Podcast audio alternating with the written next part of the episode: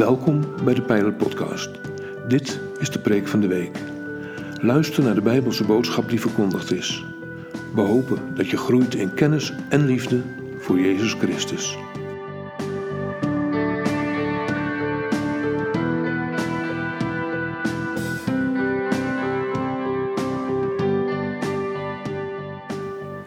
De adventstijd is aangebroken. We mogen toeleven naar het grote feest dat we met kerst vieren, namelijk dat God mens is geworden in Jezus Christus. Tijdens deze vier diensten op zondag staan we stil bij het thema alleen samen verwachten. Lieve mensen, wat fijn om in jullie midden te zijn. Hier live of online. Fijn om bij jullie te zijn. Ik heb er naar uitgezien. Eigenlijk zou ik vorige week spreken. Maar er blijkt een licht virusje rond te gaan. Of een zwaar virus rond te gaan. En ook wij werden te grazen genomen erdoor. En ik moet eerlijk zeggen dat het me wel aardig tegenvalt. Maar het gaat weer beter. En daar ben ik dankbaar voor. En daar mogen we God dankbaar voor zijn. En wat een feest is het wanneer we elkaar nu nog mogen ontmoeten op deze manier. Maar ook dat thuis kunnen doen. Je zou je toch niet moeten indenken dat we dit zelf hadden meegemaakt. Twintig jaar geleden, Jury. Toen wij hier samen, ook in dit gebouw, aan het klussen waren. De elektra waren aan het aanleggen. Je aan het lassen was. Brug aan het bouwen hier.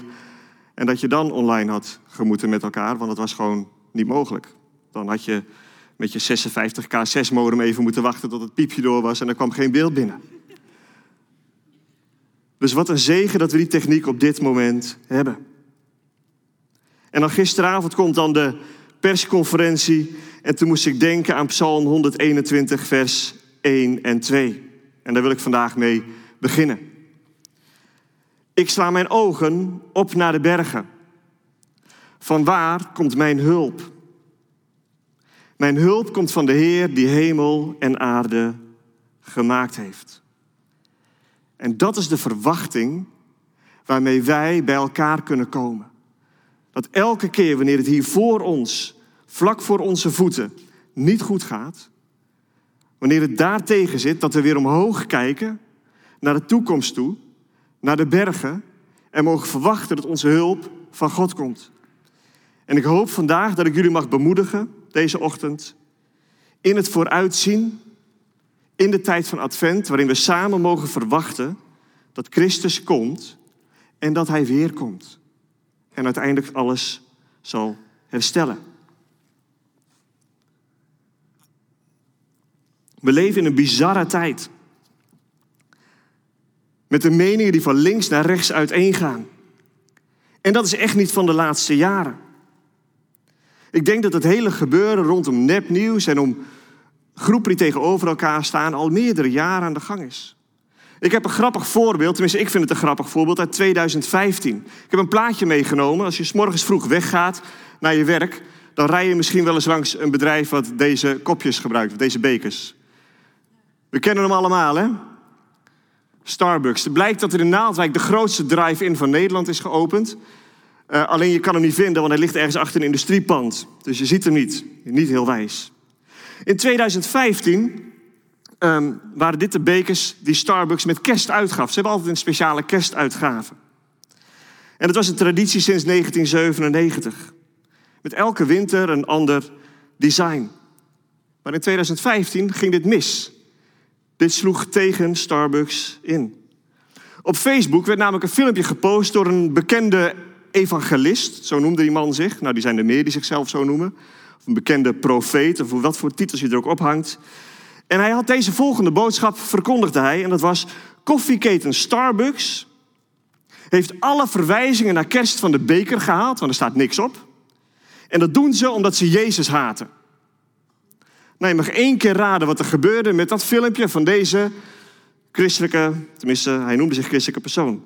Dit ging in no time viral. Over de hele wereld heen werden mensen boos op Starbucks dat ze Merry Christmas van de beker hadden gehaald. Het werd massaal gedeeld en als je bij Starbucks een kopje koffie bestelt, dan kun je je naam opgeven. Heb je dat wel eens gedaan? Herken je wel, hè? Mijn eerste naam is Harm. Moet je dat in het Engels eens zeggen? Vinden ze niet heel erg grappig. Harm. Oh, wat een vreemde naam is dat. Maar in die tijd gingen de mensen die noemden zichzelf Merry Christmas. Of Christ is coming. Om maar dan toch die boodschap door te brengen. Maar weet je wat het erge is? De verwijzing naar kerst had nog nooit op de bekers van Starbucks gestaan. Het was gewoon nepnieuws. Een leugen. Ik heb een foto mee van de bekers van de andere jaren, dan zul je het zien. Nergens staat het op die manier erop, gewoon een kerstpoppetje of een, eh, hoe noem je dat, zo'n sneeuwmannetje of dat soort dingen meer. Het was gewoon nepnieuws om aandacht te vragen. En op een of andere manier gaan dat soort dingen viraal. Sterker nog, ze verkochten ook gewoon koffie met Christmas blend. Je mag naar de volgende. En wenskaarten en cadeaukaarten. En daar staat het gewoon op. Het ging echt nergens over. Het was een leugen. Een hoax. Gericht op een angstgevoel. Nou, hoe herkennen wij dit wel niet in onze tijd? Wanneer het over het virus gaat of over maatregelen gaat. Er wordt lading aangegeven om angst bij mensen aan te wakkeren en ook angst bij ons aan te wakkeren. Het laat ook zien hoe makkelijk wij ons laten meeslepen in angstgevoelens en in complotdenken. Hoe snel we ergens tegen zijn. En we verliezen, denk ik, dan de boodschap waar we voor zijn. De opdracht namelijk om goed nieuws te brengen in deze wereld. En ik moet je eerlijk zeggen dat ik de laatste tijd bijzonder geraakt ben door hoe diep we wel niet zijn gezakt als samenleving. Facebook, Twitter of allerlei andere websites zijn een beerput vol complottheorieën, populisme en gewoon ordinaire verwensingen. Je moet eens voor de grap kijken, of niet voor de grap, je wordt er niet vrolijk van, hoe de mensen gisteren gereageerd hebben op de persconferentie. Sommigen heel genuanceerd. En er zijn ook mensen die vandaag hier niet gekomen zijn omdat je nou, zuinig bent op elkaar, veilig voor elkaar wil zorgen. Maar de reacties eronder, daar lusten soms de honden geen brood van.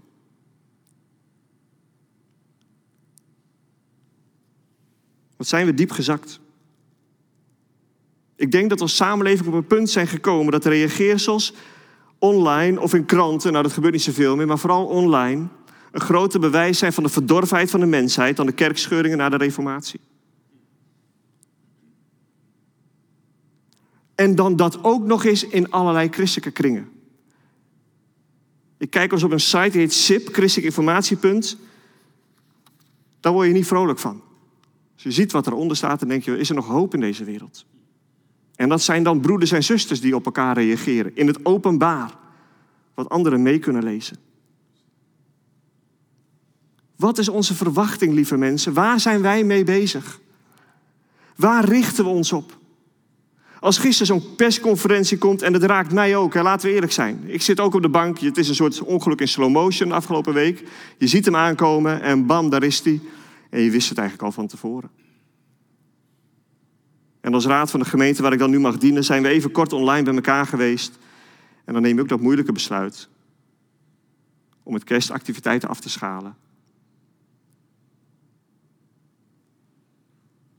En toch zoeken we ernaar hoe we een lichtje kunnen zijn in de omgeving. Wat is onze verwachting? Waar is onze hoop op gevestigd? Op weer versoepelingen, op dat het virus weggaat? Of gaat onze hoop dieper? En ik denk dat onze hoop dieper gaat. Ik wil met jullie lezen uit Matthäus, hoofdstuk 11, versen 28 tot 30. Overbekende versen.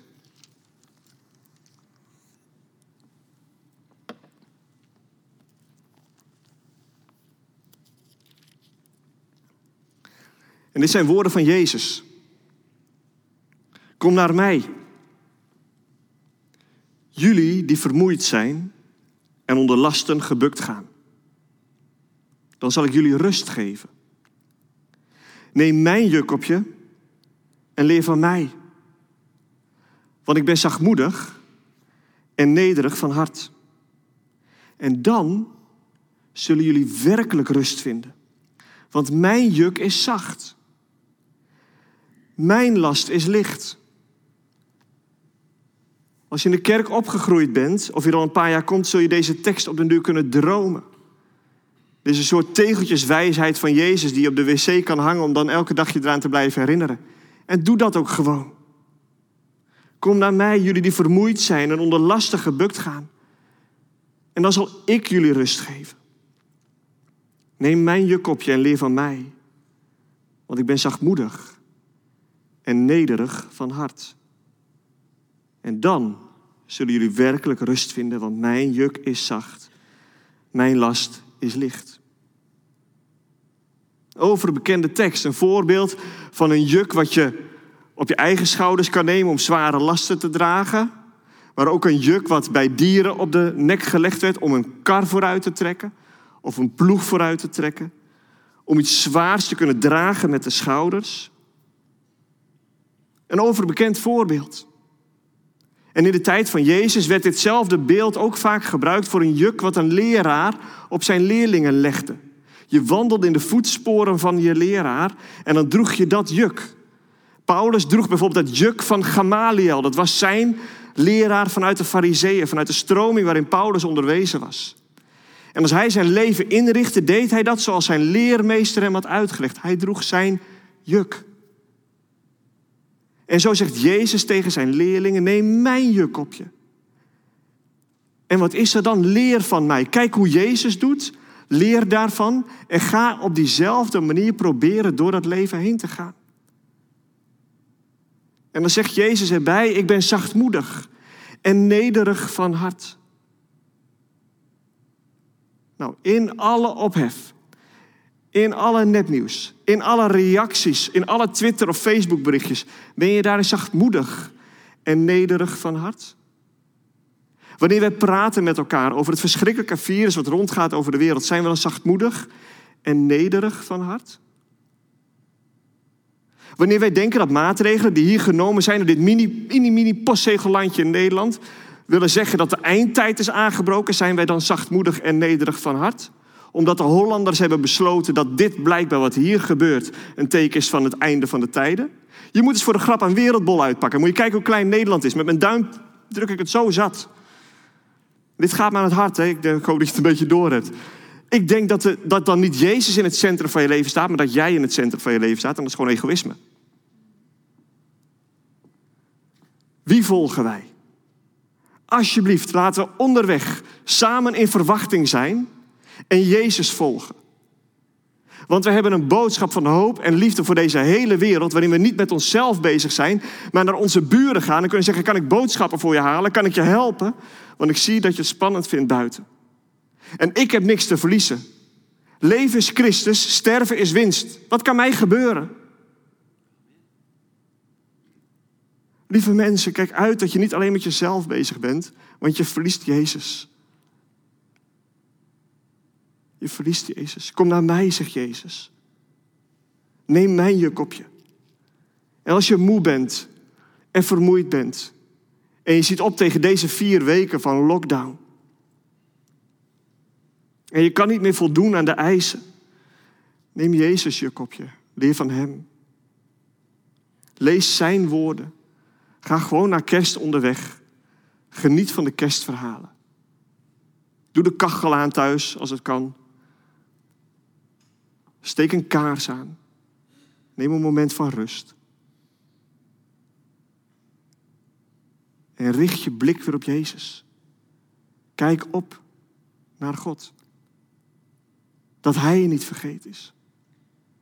En dat we ons niet druk hoeven te maken over wat er verder gebeurt. Lieve mensen, welk koninkrijk verkondigen wij in onze woorden, maar ook in onze daden? Gaan we voor samen of gaan we voor onszelf? Gaan we voor een werelds of een hemels koninkrijk? Waar zijn we mee bezig? Waar maak je je druk om? En ik haalde net aan het begin even dat voorbeeld aan dat we twintig jaar geleden in het gebouw met elkaar aan het werk waren. En dat was niet om toen een mooi gebouw neer te zetten, maar dat was voor de volgende generaties. Door te bouwen. Dat er vooruit konden kijken. Dat hier op deze plek in de polder een lichtje kon zijn van Jezus. En dat je bij elkaar kan zijn.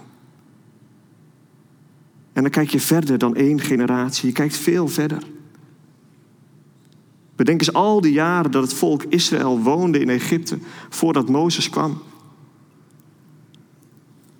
Hoeveel generaties zijn daar geweest die geen uitzicht hadden, die daar geboren zijn en gestorven zijn? Kijk, wij kijken naar die verhalen van Mozes, dat is het land uitleiden. Maar dat was 400 jaar aan vooraf gegaan. Dat is lange termijn.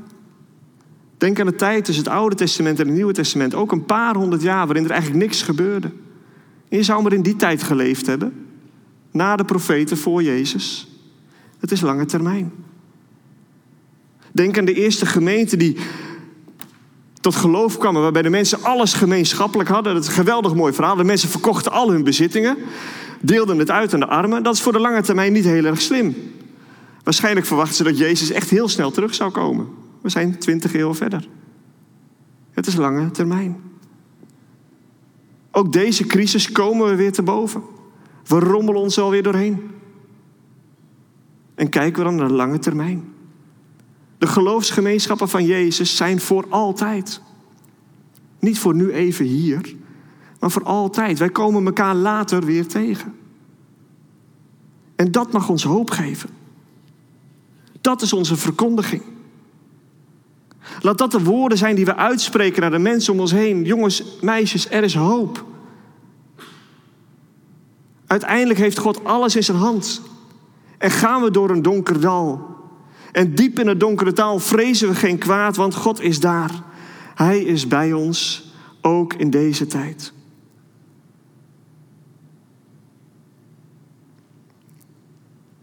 En dat is het verschil tussen iets verkondigen of onderwijzen. Ons is de verkondiging toevertrouwd. Om te wijzen naar dat God gaat herstellen.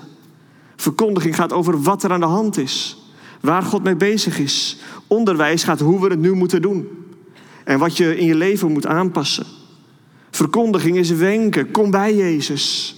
Onderwijs is vaak wijzen. Dit moet anders. Dat kan beter.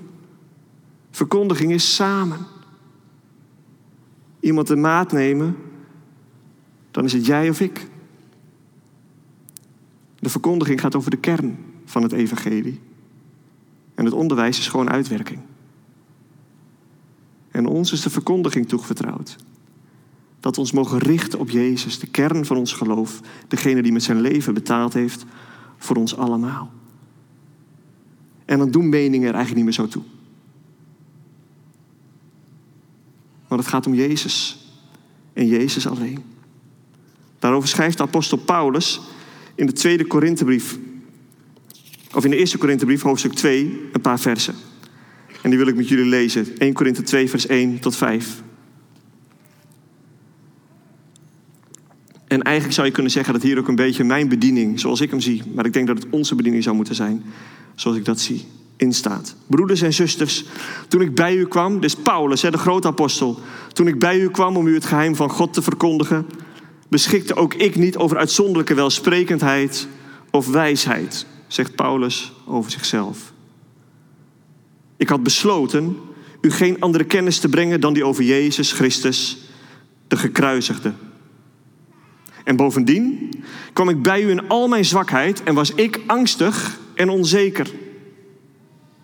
De boodschap die ik verkondigde overtuigde niet door wijsheid, maar bewees zich door de kracht van de geest. Want uw geloof moest niet op menselijke wijsheid steunen, maar op de kracht van God. Paulus zegt, ik was angstig en onzeker. De grote apostel Paulus, de zendeling die de hele Middellandse Zee rondgereisd is in die tijd. Die zegt, ik kwam bij jullie en ik was angstig en onzeker. Want hij wist dat er veel verschillende meningen waren in deze gemeente waar hij kwam. En voor je het weet word je in een bepaald kamp gedrukt, de pro of de anti. Maar Paulus besloot om zich op de kern van het evangelie te richten. Hij zegt, ik wil er maar één persoon verkondigen en dat is Jezus en die gekruisigd. En dat is onze roeping, lieve mensen. Wij zijn niet voor of tegen iets.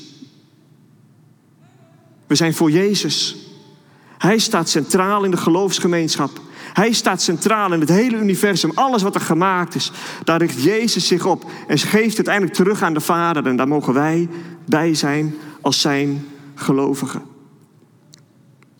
Ik denk dat ons veel te snel laten afleiden van deze kern. Dus richt je op Jezus. Volg Hem na. Dat is de enige oplossing. Samen God eren. Samen elkaar liefhebben. En goed nieuws zijn voor de mensen om ons heen. De opdracht van de gemeente Jezus laten zien aan elkaar en in onze omgeving.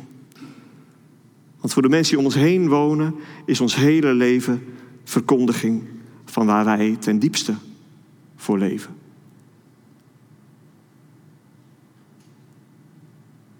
Ons hele leven is verkondiging van waar wij ten diepste voor leven. In hoe wij leven laat zien wat er hier van binnen is gebeurd. Waar ons hart vol van is, we kennen hem, stroomt de mond van over.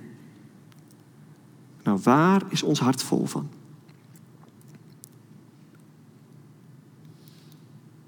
En ik pak mezelf net zo hard aan hoor. Ik weet niet of het hard aanpakken is. Tenminste, de Bijbel mag mij, ik lees hem graag scherp. Laat hij mij maar te grazen nemen. Pas dan komt Jurgen een klein beetje in beweging. Omdat hij zo verrekte Hollands is, vaak van binnen. Eigenwijs. Dat mag dat niet, dat bepaal ik zelf wel. Deden Adam en Eva volgens mij ook ooit in een tuin. Niet van die boom eten, maar dat bepaal ik zelf wel. Het resultaat hebben we tot op de dag van vandaag in ons leven. Lieve mensen, we verkondigen Jezus. Hoop ik. Bid ik. Ik denk dat we ons vaak te veel laten meeslepen met de waan van de dag. Omdat we veel minder dat hemels verre perspectief hebben. Omdat de dagdagelijkse bezigheden ons zo in beslag nemen. Maar we zijn geroepen om Jezus te brengen. En we verlangen vaak naar hoe het beter was vroeger. Of je hoopt misschien op een politiek leider die je gaat helpen. Een Jessias of zoiets. Maar ondertussen hebben deze afgoden de liefde van Christus bedekt. En zijn we, denk ik zelfs als gelovigen, een grote van onze identiteit kwijtgeraakt. We hebben een boodschap van hoop. In een wereld die zonder hoop is. En waar is die hoop op gebaseerd? Is die echt gebaseerd op wat Jezus heeft gedaan? Kijk daar naartoe met kerst. Dat we samen Jezus mogen verwachten. Maar hoe doen we dat dan? Hoe doen we dat? Terug naar Matthäus. Neem mijn juk op je en leer van mij. Dat is de oplossing. Lees dat leven van Jezus door. Als je straks de next chapter doet, de volgende hoofdstuk begint, de volgende stap zet, lees door die evangelie heen. En er zijn zoveel eenvoudige Bijbels. Maar kijk, hoe reageert Jezus? Waar is hij mee bezig? Wat kan ik van hem leren? Wat zegt hij dat we moeten doen? En dat vormt je. En dan ga je op den duur Jezus woorden rijkelijk in je leven. Door gewoon dat woord van hem tot je te nemen. En er met iemand anders over te praten. Als je op een gegeven moment merkt dat iemand alleen maar bezig is met allerlei maatregelen, virusdingen, vaccins, al die dingen. Dan je zeggen, ho, ho, ho, zullen we teruggaan naar wat Jezus zegt? Want hier komen we toch niet uit. Toch? En dan kunnen ons leven leiden tot eer van Hem. En dan ga je leren wat het betekent om, is om wat het betekent om te leven als Jezus. Dan leven vanuit hemels perspectief. En zo leven we nu in de, in de adventstijd. In de verwachting dat Christus komt. We denken terug aan het feit dat Hij gekomen is met kerst ooit 2000 jaar terug. Hè? Vier kaarsen branden. Maar we kijken ook vooruit dat Hij terugkomt. Dat geeft hoop. Zoals de leerlingen hem weg zagen gaan, nadat hij weer opgestaan was, zo zal hij ook terugkomen. En tot aan die dag, tot op dat moment, hoop en bid ik dat wij met elkaar die verkondiging doorgeven. En aan de mensen om ons heen laten zien, gewoon door wie wij zijn, dat God ons niet vergeten is. Want als het donker is, is één klein lichtje genoeg om een hele zaal in het licht te zetten. En jij bent één klein lichtje in jouw straat, op jouw werk, in jouw online klas misschien wel op dit moment. Eén klein lichtje. En het kan licht geven. Want er is iemand die zich niet druk maakt. Wat een verademing is het om in een tijd van corona iemand tegen te komen die zegt: Oh, ik maak me niet zo druk. Kan ik je nog ergens mee helpen? Iemand die niet voor zichzelf bezig is. En moet je kijken wat een unieke kans je hier hebt in deze stad, in deze omgeving. Als je met elkaar dat kleine lichtje bent, gewoon in die wijken waar die mensen niet, niet weten hoe ze moeten redden, de kleine huizen waar je vaak in woont, en opgesloten bent. En dat er gewoon iemand is bij je in de straat die zegt: Kan ik je helpen? Dat is toch uniek? De gemeente van Jezus Christus is het snelst gegroeid in tijden van onderdrukking. Het was geen staatsgodsdienst of een toegestane kerk in de tijd van de Romeinen toen de kerk net begon. Het werd onderdrukt. En ze vonden een hele slimme manier om met elkaar om te gaan. En uiteindelijk er te zijn voor de mensen om hen heen. We mogen leven vanuit hemels perspectief. Terug naar de identiteit die we hebben in Christus. Want we hebben een boodschap van hoop. En daarmee, of daarover schrijft Paulus in een brief aan de Romeinen. Een gemeente die het zwaar te verduren heeft gehad, ook onder lockdownmaatregelen van de overheid. Nero gebruikte zelfs de christenen als lantaarnpaal in de stad, want hij stak ze gewoon in de fik aan een paal. Nou, dat gebeurt ons nog net niet, hoop ik. Maar moet je opletten wat hij schrijft in Romeinen hoofdstuk 8, vers 31 tot 39. Paulus schrijft hier, wat moeten wij hier verder over zeggen? Als God voor ons is, wie zal er tegen ons zijn?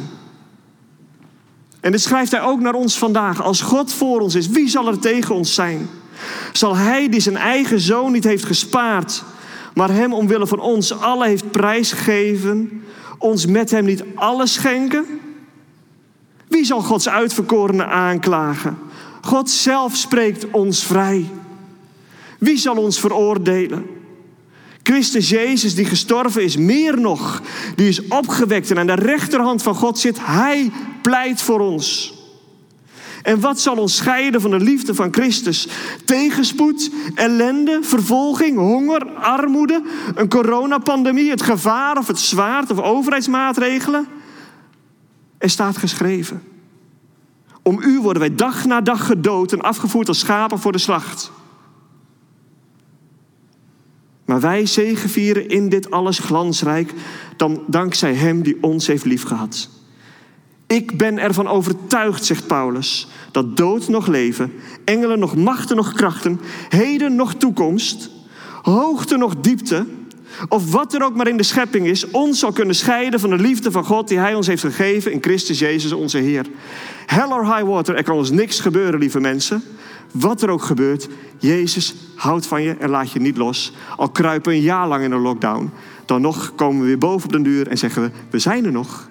We zijn er nog, want Jezus houdt van ons en hij laat ons nooit los, lieve broertjes en zusjes. Dat is gewoon de hoop die we hebben. En vergeet het niet. Lieve mensen, al maak je druk of dit het teken van de eindtijd is, het zal wel, het interesseert me niet. Maar we hebben wel het einde van dit boek gelezen. Namelijk, God wint. En hij herstelt alles. En hij heelt je. En ook als je nou ziek thuis zit, hij is bij je. En ik hoop dat zijn genezende hand zich over je uitstrekt.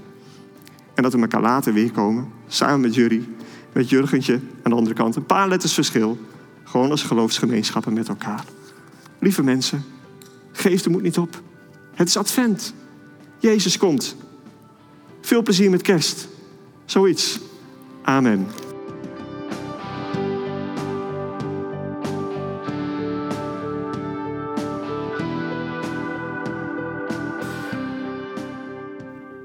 Bedankt voor het luisteren naar deze aflevering van de Pijlen Podcast, Preek van de Week.